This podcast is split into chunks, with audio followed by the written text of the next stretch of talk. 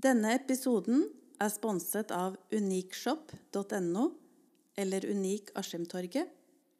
Flotte dameklær fra størrelse 38 til 56.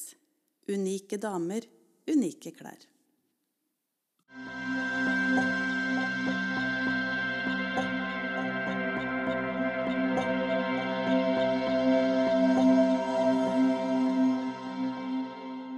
Mitt navn er Lill Gjerstad Andersson. I dag har jeg dratt til Askim for å besøke Tone.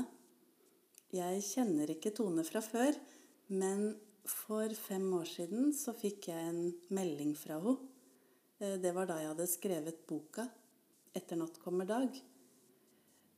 Den meldinga skal jeg komme litt tilbake til, men først så har jeg bare lyst til å si takk for at jeg fikk komme hit. Og det er veldig sånn Vi syns det er litt sånn rart her i dag, fordi vi veit at vi begge skal prate litt. Jeg pleier å like å heller la den gjesten prate mest. Men i dag skal vi prøve å ha en samtale om eh, litt om den meldinga som du sendte, og det at jeg dro til deg nå. Men også litt om din historie. Så takk for at jeg har fått komme hit. Takk for at du har kommet, Lill. Ja, det er hyggelig. Og eh, kan ikke du bare fortelle litt Hvem er du? Ja, jeg heter Tone Elin Bystrøm. Eh, Jeg er 45 år. Eh, Jeg er mamma til fire. To jenter og to gutter. Julie på 20 og Henrik på 19. Eh, Sofie på 13 og Kasper på 11. Det er meg. Det er deg. Ja. Og så er du litt mer enn mamma.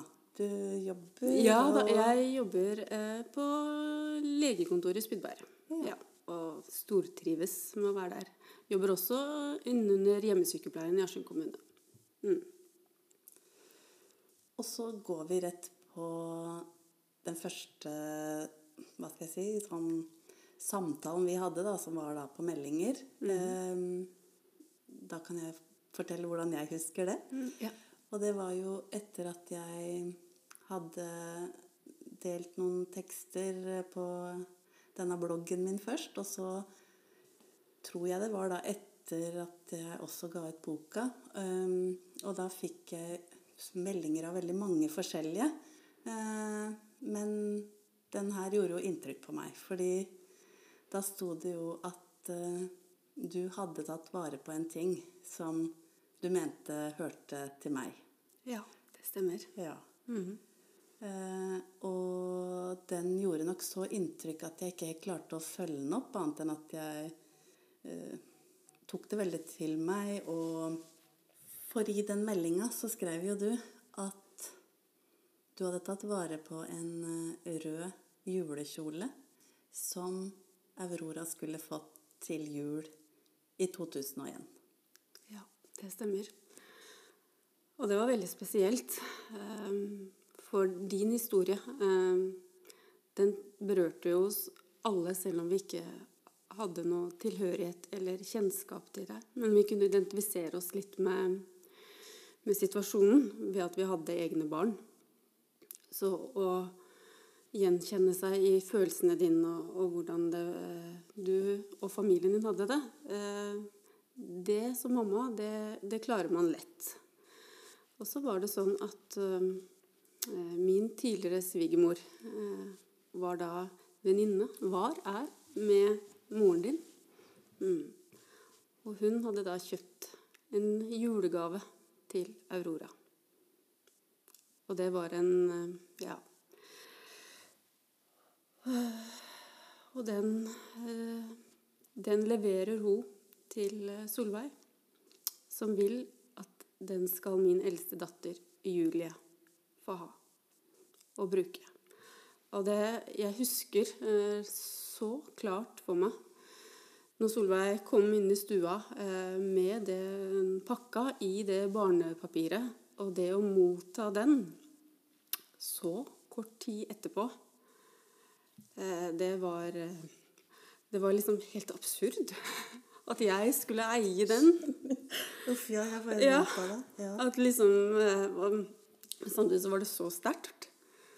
Eh, jeg pakka den jo opp. Eh, vi gjorde det. Og det var jo liksom akkurat en sånn kjole som jeg kunne kjøpt til Julie også. Mm. Men jeg fikk meg aldri til å sette den på henne, da. Den tilhørte liksom noen andre. Mm. Så den uh, hang i skapet der den var med på ja, var med på forflytninga når klærne til de andre barna vokste, så var den kjolen med. Den hang i skapet på en pen henger. Den røde ullkjolen til Aurora. Mm. Og så har det jo blitt uh, Ungene vokser jo. Um, det kom nye barn til. Det var med på flyttelasset. Men den har, uh, den har vært en sånn skatt eh, som jeg har bevart sammen med de få tingene som jeg har tatt vare på etter alle de fire andre barna. Så når jeg leste din historie, Eh, så føltes det helt naturlig for meg å fortelle deg hva jeg satt med.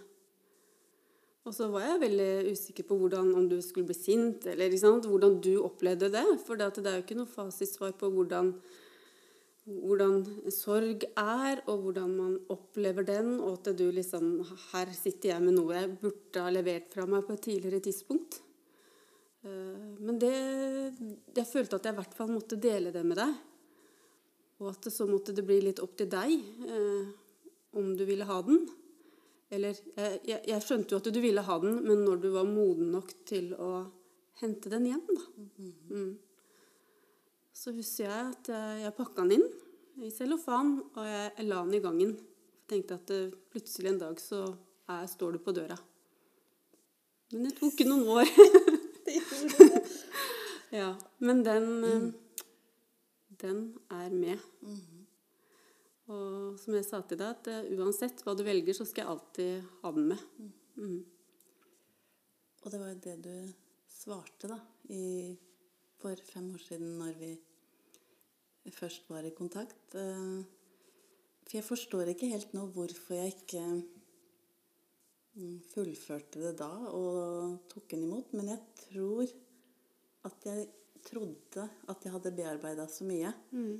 Og så hadde jeg nok ikke det likevel, siden jeg um, var så opptatt av åpenhet og tørre å eie sin egen historie. Men jeg takla ikke helt når det kom nye ting til den historien. Uh, og at det At det faktisk var noen andre som jeg ikke kjenner engang, som uh, har brydd seg da, på den måten. Uh, det var rart. Og da veit jeg at hvis jeg skal ta imot det, så må jeg jo igjen kjenne på noen følelser som jeg mm, tror at dem har jeg jobba meg gjennom. Mm. Um, så da gikk det jo fortsatt eh, litt tid. Mm. Og det skjedde så mye. Jeg var så opptatt av å um, svare på andre som kanskje hadde opplevd noe lignende. Altså det var mange henvendelser. Jeg fortsatte å dele masse. Um, fikk holde foredrag osv. Så, videre. så jeg klarte på en måte ikke å ta noe mer av min sorg eh, inn i det. Eh, det jo, høres jo veldig sånn um, motstridende ut, da, siden jeg er veldig opptatt av åpenhet og vi må mm. være ærlige med følelsene våre. Men jeg tror ikke vi klarer alt hele tida. Vi må ta det sånn litt sånn etappevis. Porsjonere det ut. Ja. Så da var det vel jeg som meldte deg nå ja, du Det gjorde du. Ja. Og jeg ble veldig, veldig satt ut. Og tenkte jeg hjelp, hvor har jeg den akkurat nå? Ja, det skjønner jeg. Ja, men jeg visste jo at jeg hadde den. Ja. Men liksom Da fikk jeg en sånn panikk, nesten følelse over meg. Så jeg tenkte ja, men Gud, hvor så jeg den, og hvor ligger den der jeg tror den lå? Ja. At tenk nå. Ja. og det liksom Men jeg visste jo det. Han lå jo der, han. ja han skulle ligge. Ja. ja. For det er jo det jeg er så imponert over, da. At, eh, at du på en måte har um, tatt vare på noe sånn verdifullt for meg som du ikke kjenner. Altså ikke for meg, men for Aurora, for min familie. Mm. Uh, og så har du fire barn, livet går videre, du har flytta, du har liksom Hvordan At man da har rom for det, det syns jeg sier så mye om et menneske. At man er så raus. Men det har aldri vært noe tema å ikke gjøre det, Lill. det har ikke det. Nei. Den kunne liksom ikke gått på Fretex, Nei, altså. nei, det er uh... Og det er nok mange han kunne ha passa til, men han tilhører verken Julie eller noen andre. Nei. på en måte, Og uansett på en måte hva, hva du velger nå, eller så er det liksom så godt for meg på en måte å få gi den tilbake, da. Og det betyr veldig masse fordi eh, jeg har ikke eh, så mye ting etter henne. Jeg har eh, en kåpe som hun hadde på seg den dagen når vi dro hjem fra Oslo før ulykka skjedde. Så hadde hun en sånn kjempefin kåpe som jeg syns var så nydelig. Eh, og så har jo dokkevogna hennes og liksom, men alt det andre det blei rydda bort. Og Kanskje fortere enn jeg var klar over det. Um, og det å Altså, jeg finner ikke engang den bunaden som jeg snakka så mye om, uh, som jeg egentlig nesten hadde tenkt hun skulle ha på seg etter hun var død. Um, sånn at jeg har, fordi vi også har jo flytta, og jeg har ikke alltid vært helt til stede. Tror jeg sånn fått hive i noe som jeg ikke skulle hive i, liksom det går litt rundt for meg innimellom. Og da, da um, kjenner jeg nå at dette her blir jo en sånn skatt jeg tar vare på. Eh, og den er så veldig henne. Hun hadde jo rødt på seg en body og en eh, topp. Nei, en body og en strømpebukse. Mm, for hun kledde veldig godt rødt. Og hadde sånn rød kinn. Eller sånn rød kinna. Eh, så den blir jo veldig viktig.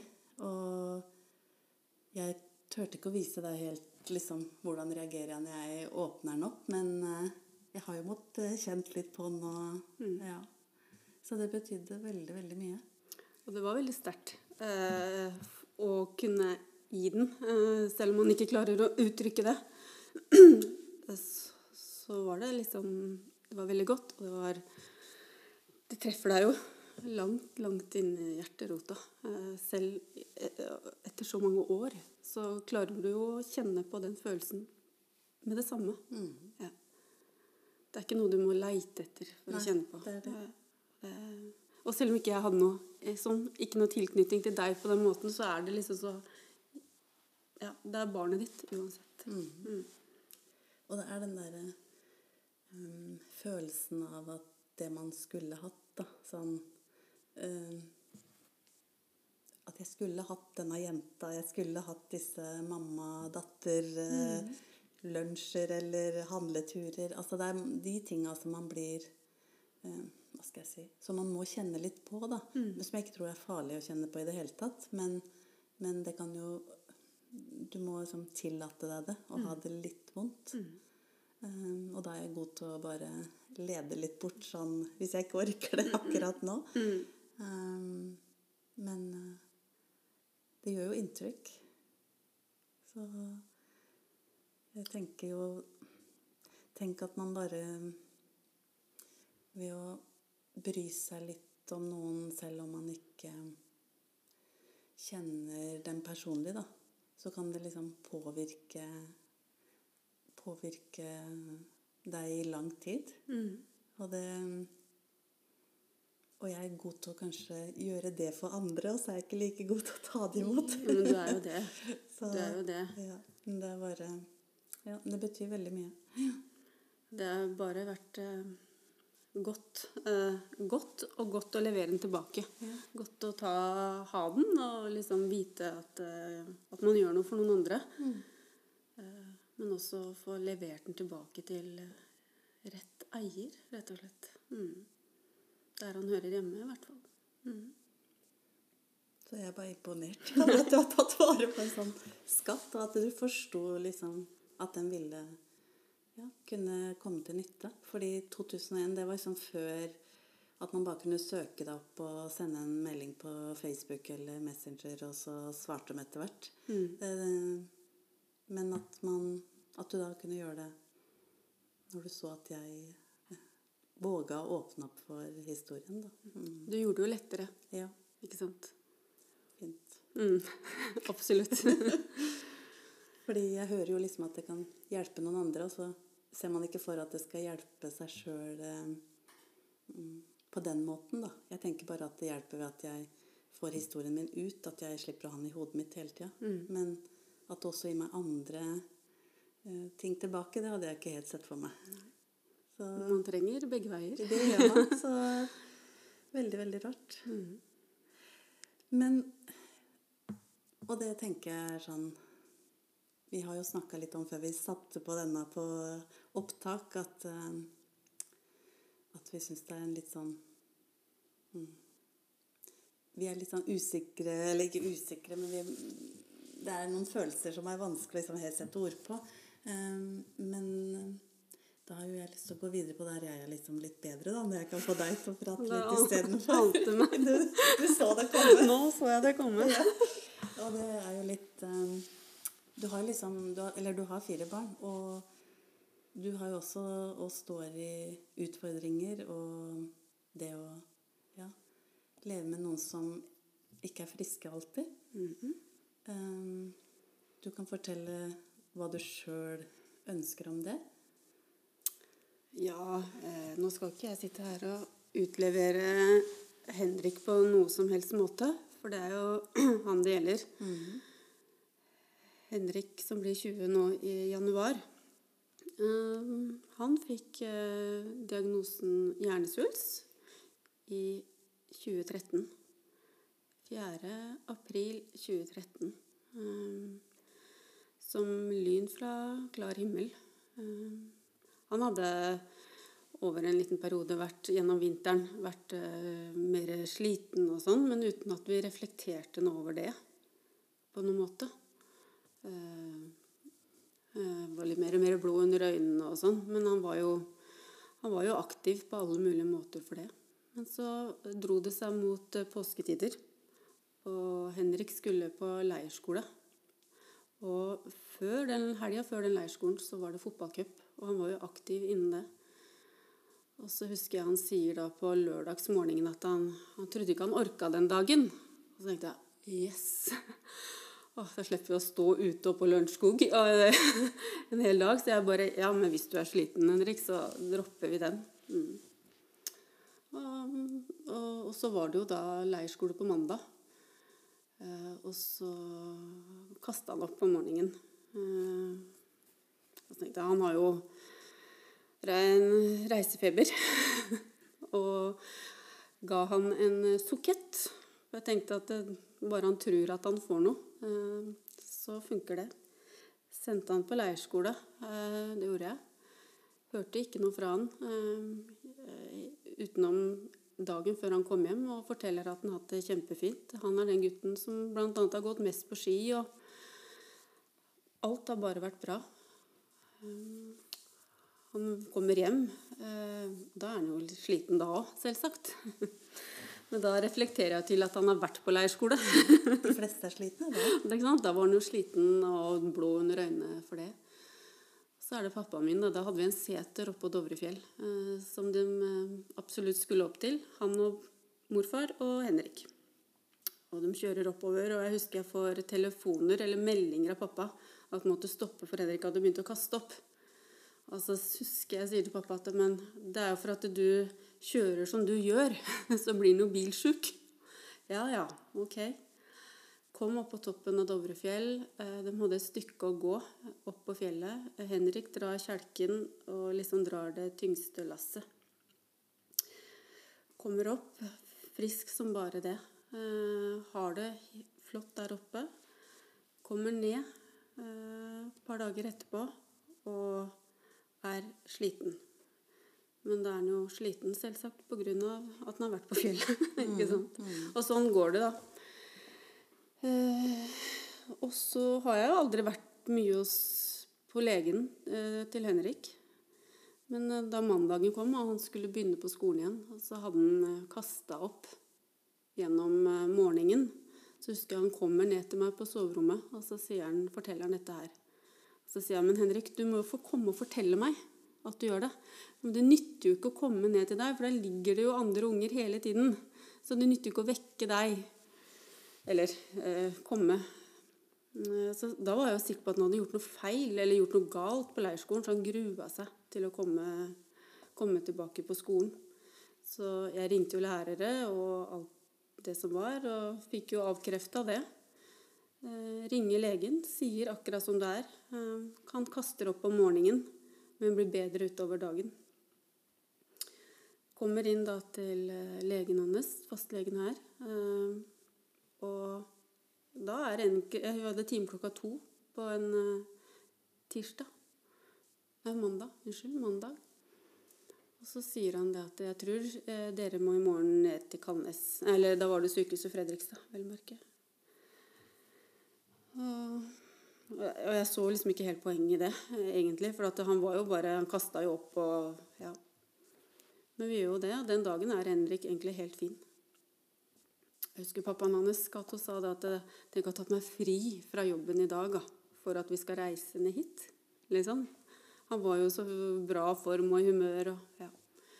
Sier det samme eh, til barnelegen der nede. Eh, kaster opp om morgenen, blir bedre utover dagen. Og så sier han da begynner vi med en MR. Eh, og den ble tatt. Og jeg sto inne, eh, sto inne hos Henrik eh, og holdt han på beina. Og den gangen så var det var MR-maskinen, og så var det glassrute, hvor jeg liksom hadde en dialog med de som tok bildene. Og så ser jeg det begynner å tilkomme mer og mer mennesker inn der, og det begynner å ringe. Eh, og det begynner å kjøre seriene om igjen og om igjen. Og, og, jeg, jeg husker jo sjøl, for det bråker jo under en MR, eh, hva jeg sier. At her er det noe som ikke stemmer. Mm. Og, det, og det er jo sånn denne sykepleieren også bringer dette budskapet, er at her er det noe som ikke stemmer. Mm. Eh, og det var en brutal beskjed å få. Der Derav går turen raskt samme ettermiddag inn til Rikshospitalet. Eh, helt uforberedt på dette her. Eh, og blir bare tatt imot med åpne armer. Og det er et stort team som står og tar imot oss. Eh, Da var han jo tolv år. Eh, Og siden den gang så har vi vel vært inn og ut av det sykehuset mange, mange ganger. Eh, Han har et langt sykehusopphold da. I to måneder er han inneliggende eh, på Rikshospitalet, på barneavdelingen på nevrokirurgen. Eh, De får fjernet deler av svulsten. Det er en godarta svulst, men han ligger ikke noe sånn veldig gunstig til. Så da spiller det egentlig ikke noen rolle om det er en ondarta eller godarta, men du har jo litt bedre forutsetninger, vel å merke. Eh, Henrik har fått masse komplikasjoner. Han fikk alt det du kunne få. Han fikk hjerneblødninger, han, ja, han fikk alt. Han hadde mange reoperasjoner i den perioden vi var der. Og det former jo en familie ganske brått, og alt blir snudd på hodet. Eh, men han kommer seg gjennom dette her. Helt på enden av dette sykehusoppholdet så viser det seg da at da blir det liksom stadfesta at eh, at han får noe som heter hydrocefalus i tillegg. Det betyr at hjernen eh, ikke lenger Eller det betyr ikke, det er en forklaring på hvordan at hjernevæska som vi har, eh, den dreneres ikke på vanlig måte. Den klarer ikke å, å fylle opp tomrommene og, og justere det trykket man har i hodet. Eh, det vil si når man har vondt i hodet, så får man høyere trykk. ikke sant? Og her måtte Henrik ha en mekanisk hjelp, så han har noe som heter en eh, skjønt i hodet sitt, som er med og justerer hjernevæska. Og den må da være riktig innstilt. Ut av dette så har det blitt mange, mange reoperasjoner. Eh, han har et eh, komplisert eh, Det er komplisert, eh, det han står i. Eh, eh, han har hatt nå oppimot Jeg har ikke antallet opp mot 30 hodeoperasjoner på, siden 2013. Han fikk et tilbakefall eh, i desember 2019, så vi fikk telefonen at eh, da var det kommet tilbake. Eh, og ble operert nå i januar igjen. En stor hodeoperasjon. Med påfølgende komplikasjoner, da. Igjen. Så det har vært en lang vinter. Eh, absolutt. Det har det. Og så var det nå, eh, nå 11. september. Fredag 11. september så skulle han på den første kontrollen etter, etter siste store hodeoperasjon, da. Eh, han har tatt så mye MR så vi, og CT-er eh, som han liksom prøver så gå langt det lar seg gjøre. Og, og liksom spare han, da. Eh, hvis vi kan vente. Men nå var det liksom, nå måtte han ta denne. Jeg var egentlig helt laidback på at nå, første kontrollen, er det jo ingenting. Da er det, da er det bra. Og har ikke brukt så mye krefter på å bekymre meg for at det skulle være noe nå. Jeg prøver å liksom tenke at vi tar det som kommer. Ellers så blir vi eh, Bruker man veldig mye ekstra energi, da. Mm. Eh, men så har vi et fantastisk team inne på Rikshospitalet. Og eh, leger som ikke får full rost. Og et par sykepleiere som, som vi har tett kontakt med. Og når hun ringer meg på mandag og sier at bildene må beskrives av noen flere, så går det jo liksom en liten sånn der Da kjenner jeg jo på de følelsene. Men så tenker jeg ja, ja, dette kan jo også være for å være sikre. Eh, så ringer hun meg på tirsdagen igjen og så sier at nå ringer eh, legen din deg. Eh, legen til Henrik. Han ringer deg nå snart. Og jeg hører jo på stemmen når han ringer og sier at det ikke, det ikke var så gode bilder som de håpte på. Svulsten er én ting. Den er liksom lung nå, men nå har det danna seg masse syster i disse hulrommene inni hjernen som er med og tetter til eh, og gjør det vanskelig eh, for at hjernevæska skal finne veien ut da, dit den skal. Og de ligger ikke akkurat så veldig gunstig til. Så da ble han lagt inn dagen etter. Og det blei eh, ny stor operasjon eh, som han nylig har stått i. Så nå tar vi Foreløpig nå så er det bra. Eh, men det eneste som er sikkert, som de sier, er jo at eh, det er ikke siste gangen. Eh, for det Vi rår ikke over hva hodet og kroppen skaper. Han er en sunn gutt på alle mulige måter. Lever så sunt som en 20-åring skal gjøre. Og gjør alle de tingene en 20-åring skal gjøre også. Så ja. Men hvordan er det å være mamma hver gang? Altså, for det er ikke én gang, det er mange ganger man har tatt en stor operasjon i mm. hodet som liksom er veldig skummelt i seg sjøl. Mm. Hvordan er det å være mamma da? Å stå og vente. Eh, vente på han våkner. Mm. Ja. Vet du hva? Eh, eh, det er sånne følelser jeg egentlig ikke klarer å kjenne helt på, fordi at jeg mobiliserer så mye eh, når jeg gjør det. Men så veit jeg at det, det, tryggeste stedet for oss å være Da er jeg egentlig ganske lugn, og jeg opplever at jeg er det stort sett hele tiden. For at der er dem. Det, der er de menneskene vi stoler på. Uh, faren min ville helst ha gullramme og bilder av de legene på veggen. Skjønner du? For du føler en sånn takknemlighet og trygghet på de. Uh, så når vi er der, uh, så er jeg trygg.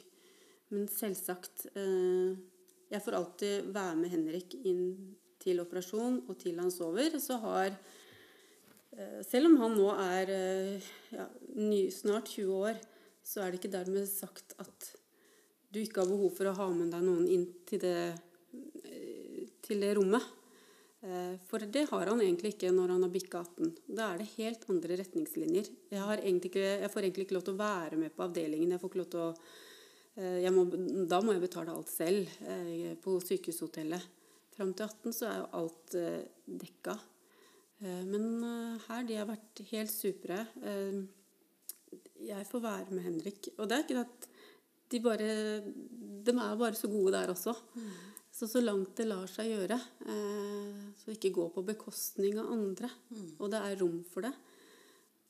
Og sånn så er jeg med helt inntil han sovner. Og da sier han liksom de faste tingene. Vi sier de faste tingene til hverandre, eh, på en måte. Eh, og så tenker jeg at eh, dette går bra. Men det har vært mange timer i de gangene og på Rikshospitalet. Jeg er godt kjent.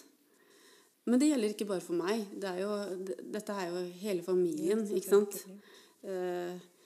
For hvordan er det for de andre barna å leve med en bror som er syk over mange år? Mm. Hvordan påvirker det søskenflokken?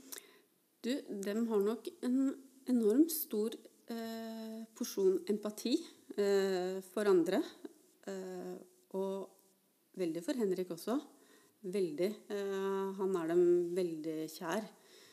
Eh, og når vi er på sykehuset, så har de, eh, har de sine eh, følelser, selvsagt. Men de har også det verktøyet at de kan lære er informert, og de alle veit at da er Henrik inne, og da er man litt mer sår, og de blir respektert for det.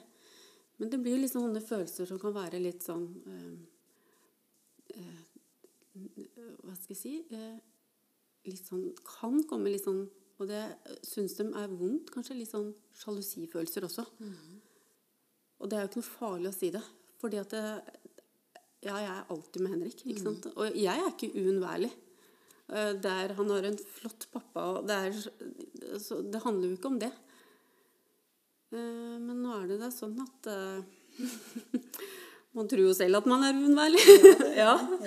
ja. Så der har jeg vel vært litt egoist. Men så har vel også pappaen også ønska at, eh, at jeg skal være der. At vi har håndtert det på hver vår måte. Eh, Og sånn har det vært med ungene også. Eh, Jeg har hatt med ungene inn dit, og de har fått være med og sove der og vært med når Henrik skal være på operasjon, og vært med på oppvåkning på, eh, på, i den prosessen der eh, for å ufarliggjøre det litt. Det har de vært med, både Sofie og Kasper har vært med på det. Julie har vært med på morgenen til å følge. Eh, Og man må respektere liksom at man alle, har, alle tre har en hver sin opplevelse av det. På en måte. Det er ikke noe fasitsvar på at nå, nei, nå skal vi sitte her, og nå må vi passe på han. Kanskje Julie har det bedre med å være med venninnene sine. ikke sant? Og det betyr ikke at hun ikke bryr seg noe mindre, for det veit jeg at det, det er ikke det det handler om. Man må liksom respektere ja, hver enkelt, altså. For det er liksom fire forskjellige individer med fire forskjellige behov. Og så står man litt i midten noen ganger, og så klarer man ikke å serve alle, da.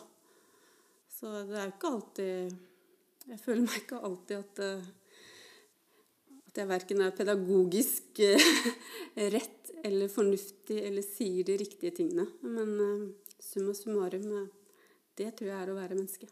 Det tror jeg òg. Mm.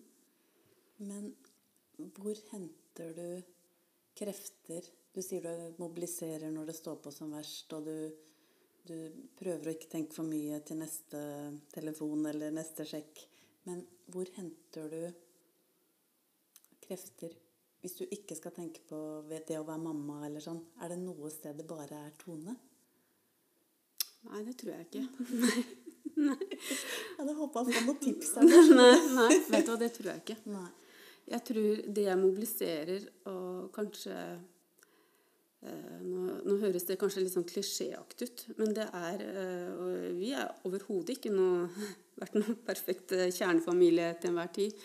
Men det eh, jeg veit, er at familien eh, Pappaen til, Henrik, pappaen til Henrik, tanta til Henrik, onkelen, kusinene eh, På begge sider. Eh, de er liksom Det er kanskje dem og mamma og pappa eh, eh, som hjelper deg til å mobilisere. og venner, ikke minst. Men eh, det å vite at det, det, det er like sterkt for dem. Eh, de eier den historien like mye som meg. Eh, de har det like vondt, eh, ikke sant? Så at vi sammen mobiliserer, tenker jeg. Eh, og, så, og så forstår vi hverandre. Uten at vi må liksom Jeg må ikke forklare til noen. Eh, for vi veit alle eh, selv om Cato og jeg har vært skilt eh, siden 2005, så har vi en like god relasjon til hans familie og han til mine to andre barn. Og, og det er så godt, liksom. Det er ikke noe, da er vi sammen, og ingen må si noe. Og så tar vi det som er bra, og så står vi i det som er mindre bra, da. Men vi har snakka om det før. Eh, når man Jeg kjenner jo på etter ulykka, så er jeg alltid tilgjengelig for mine barn. Ja. Ja. Og mange jeg har møtt i disse podkastene, mm, sier jo nettopp det. Lever de med et kronisk sykt barn eller har opplevd mm, akutte tilfeller, så er man alltid pålogga. Er du det? Ja. Ja. ja. Henrik ringer, så svarer jeg alltid. ja. Eh, I hvert fall innen rimelighetens tid, da. Ja. Det får jeg si. Ja, det gjør jeg jo. Mm. Eh, Jeg er alltid beredt. Mm. Eh, Og det er jeg. Men det betyr ikke at jeg ikke kan Jeg gjør alt, liksom. Og jeg stopper ikke å leve. For at jeg er veldig opptatt av at vi Selv om vi sitter nå her og prater om det, så nå føler jeg at jeg dyrker det. Ikke sant? Ja, At nå, prater, nei, men nå prater jeg om Henrik og liksom Og ja, han har vært eh, syk, sånn og sånn. Men det er for at jeg spør deg. Ja, ja. Absolutt. Men jeg prøver når alt er bra, da. Mm. Eh, Så er alt bra. Og da har vi det bra. Mm. Eh, Men altså Men det viser jo bare at eh, mange mennesker vi møter, da, de har en kamp eller en eh, historie som gjør at de er noe mer enn bare akkurat det vi ser. Og jeg veit at du er oppmann, du er eh, på, et, på håndballaget til dattera di, du er til stede for ungene dine, du er på jobb. Altså, du har jo alle de sidene også. Men dette er jo en stor del av hva som har forma dere. Det er en stor del av hele fam mm. vår familie, og det, det har jo ikke det har jo blitt noen resultater ut av det også. ikke sant? Det er jo ikke da dermed sagt at man får alt til å fungere heller. På alle plan. Og det har jeg ikke gjort heller. Ehm, Men jeg ville ikke gjort det noe annerledes for det. Ehm, Fordi at man alt Jeg ville ikke gjort ting noe annerledes uansett. Men dette gjelder, det gjelder oss alle, det gjelder jo ikke bare meg. Men jeg tenker også at øh, Henrik, da, det er liksom han det gjelder, han er den sterkeste av oss alle. Mm. Og han husker han sa, mm, når han var tolv år, så sa han noe til oss at øh, hvis, hvis du er redd, mamma, hvis du gråter Og det betyr ikke at vi ikke skal vise følelser, men da blir jeg redd. Og så blir det liksom Det skal jo ikke Kan det fort bli liksom at han er den trøstende, da. Han skal liksom være den sterke, ikke sant. Da liksom da Dette går bra. eh, For at ikke vi skal bli bekymra. Så han har nok lest oss eh, godt opp igjennom.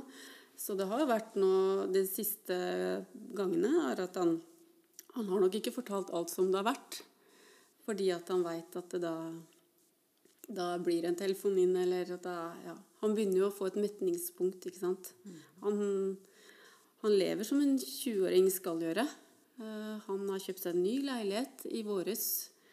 Bor der og drifter den. Han er tømmerlærling hos eh, tøm Geir Moen i Spydberg, som ivaretar den på aller best mulig måte.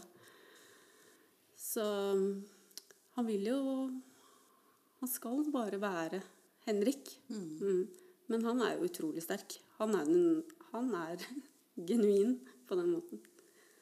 Uh, og det viser litt om han nå, fordi jeg vet ikke om alle sykepleierne, og legene der inne, de blir liksom ja, ufattelig glad i ham fordi han er en god personlighet. Han er litt inhabil, men han, det viser så mye om han også, hva han takler å stå i. Han setter seg ikke ned og sutrer eller griner eller for at hva han må igjennom. Han veit at eh, ja, så tar vi denne runden også. Så Men blir han da oppgitt over eh, eller dere, da, blir dere oppgitt over noen som klager over eh, Nei. bagateller, på en måte? Nei. For jeg tenker at vi alle står oss sjøl nærmest. Og så kan ikke jeg bestemme noe som helst, og så kan vi ikke sette de tingene opp mot hverandre, tenker jeg. Nei, det kan vi ikke, for det er alltid noen som har det verre enn meg. Og det har jeg sagt mange ganger, at jeg er så glad for at vi kan gå ut derifra. For det har vi vært med på å oppleve flere ganger. At eh, dem vi har delt rom med, ikke har kommet ut eh, fra det sykehuset. Og det har vi gjort, altså. Eh, og du trenger bare å gå noen runder på de avdelingene rundt, så blir du takknemlig for det. Men igjen, det forsvarer ikke alt hva han skal stå i. Nei. Når dette her blir eh, sendt, så er vi i desember måned. eh, Den måneden alle får noen forventninger, da. Og så tror jeg også det er en måned hvor man kjenner enda mer på en sårhet til at livet ikke alltid var så lett eller blei det vi forventa. Um, har du noen tips til uh, noen som ikke gleder seg til jul, eller syns det er vanskelig å eh, skulle innfri alle forventninger til alle rundt, eller har du noe å komme med? Jeg tenker at det er så mange andre dager eh, i året enn akkurat julaften. At eh, vi alle hauser den opp eh, veldig. At da skal vi alle ha det så godt og være så lykkelige. Mm, men første dag jul kommer fort. Og første januar kommer veldig fort. Så jeg tenker at eh, alle de andre dagene er like viktige som akkurat den julaften. Og så får vi snu oss rundt de dagene også. Um, vi begynte jo egentlig med at jeg kom hit for å få en liten gave av deg. um, som var pent pakka inn, og her sitter jeg med denne røde kjolen da, og holder litt på den. Eh, Jeg tør jo fortsatt ikke å kjenne ordentlig på følelsene, for du hører da begynner jeg heller å le enn å bli berørt. Um, og så hadde du en, en historie i tillegg, um, som så mange mennesker har. Et eller annet. Um, så først så har jeg lyst til å gi deg en liten gave tilbake for å uh, si hva en sånn medmenneskelighet kan gjøre for et annet menneske, da. Så da skal du få en liten ting av meg. Ja, det kan du få åpne. Så sa du at vi ikke skulle bruke papirlil, for Ja, da bråka det. Jeg vet, jeg hadde jo åpnet den andre. Ikke. Men eh, Nei. Oi. Noen ganger kan kun en enkel stjerne lyse opp en hel verden. Og det var liksom litt til deg at en sånn liten Og så er du ikke liten heller, men en, det er en ganske liten kjole, da. Eh, En liten sånn ting å gjøre for andre, da. Så lyser man opp eh, eh, dagene. Og det syns jeg er litt viktig å tenke på ja, kanskje nå da i desember. Det er veldig sterkt, Lill. Og, og jeg kjenner på at jeg sitter nå med Julie, eh, som blir da 21 eh, rett over jul. Og så sitter du igjen med kjolen, liksom. Ja, ja. Og sånn. Og det kan man kjenne på. Og det, kan kan, man jeg kjenne. kjenne ofte på. Men allikevel så klarer jeg nå For jeg klarer jo bare å se henne for meg som lita. Mm. Så nå kan jeg liksom se disse 20-åringene og tenke at uh, Guro, det er noen mammaer og pappaer der som er veldig heldige. Men jeg har ikke den misunnelsen lenger, tror jeg. Nei. Og det er jo godt. Det er For det godt. blir jo Gutta mine blir voksne, og jeg må på en måte la dem forbli voksne. Mm. Uh, men jeg vil jo gjerne ha dem, Ja. ha dem der. Vi eier ikke barna, Nei, vet vi du. det. Vi gjør ikke det. De er kun til lån. Ja, det er det. På godt og vondt. Ja. Og det er jo litt sånn du står i da med han som er syk, eller, eller kan bli syk igjen, da. Mm. Eh, Du er mammaen, men tør du å la han ta ansvaret sjøl?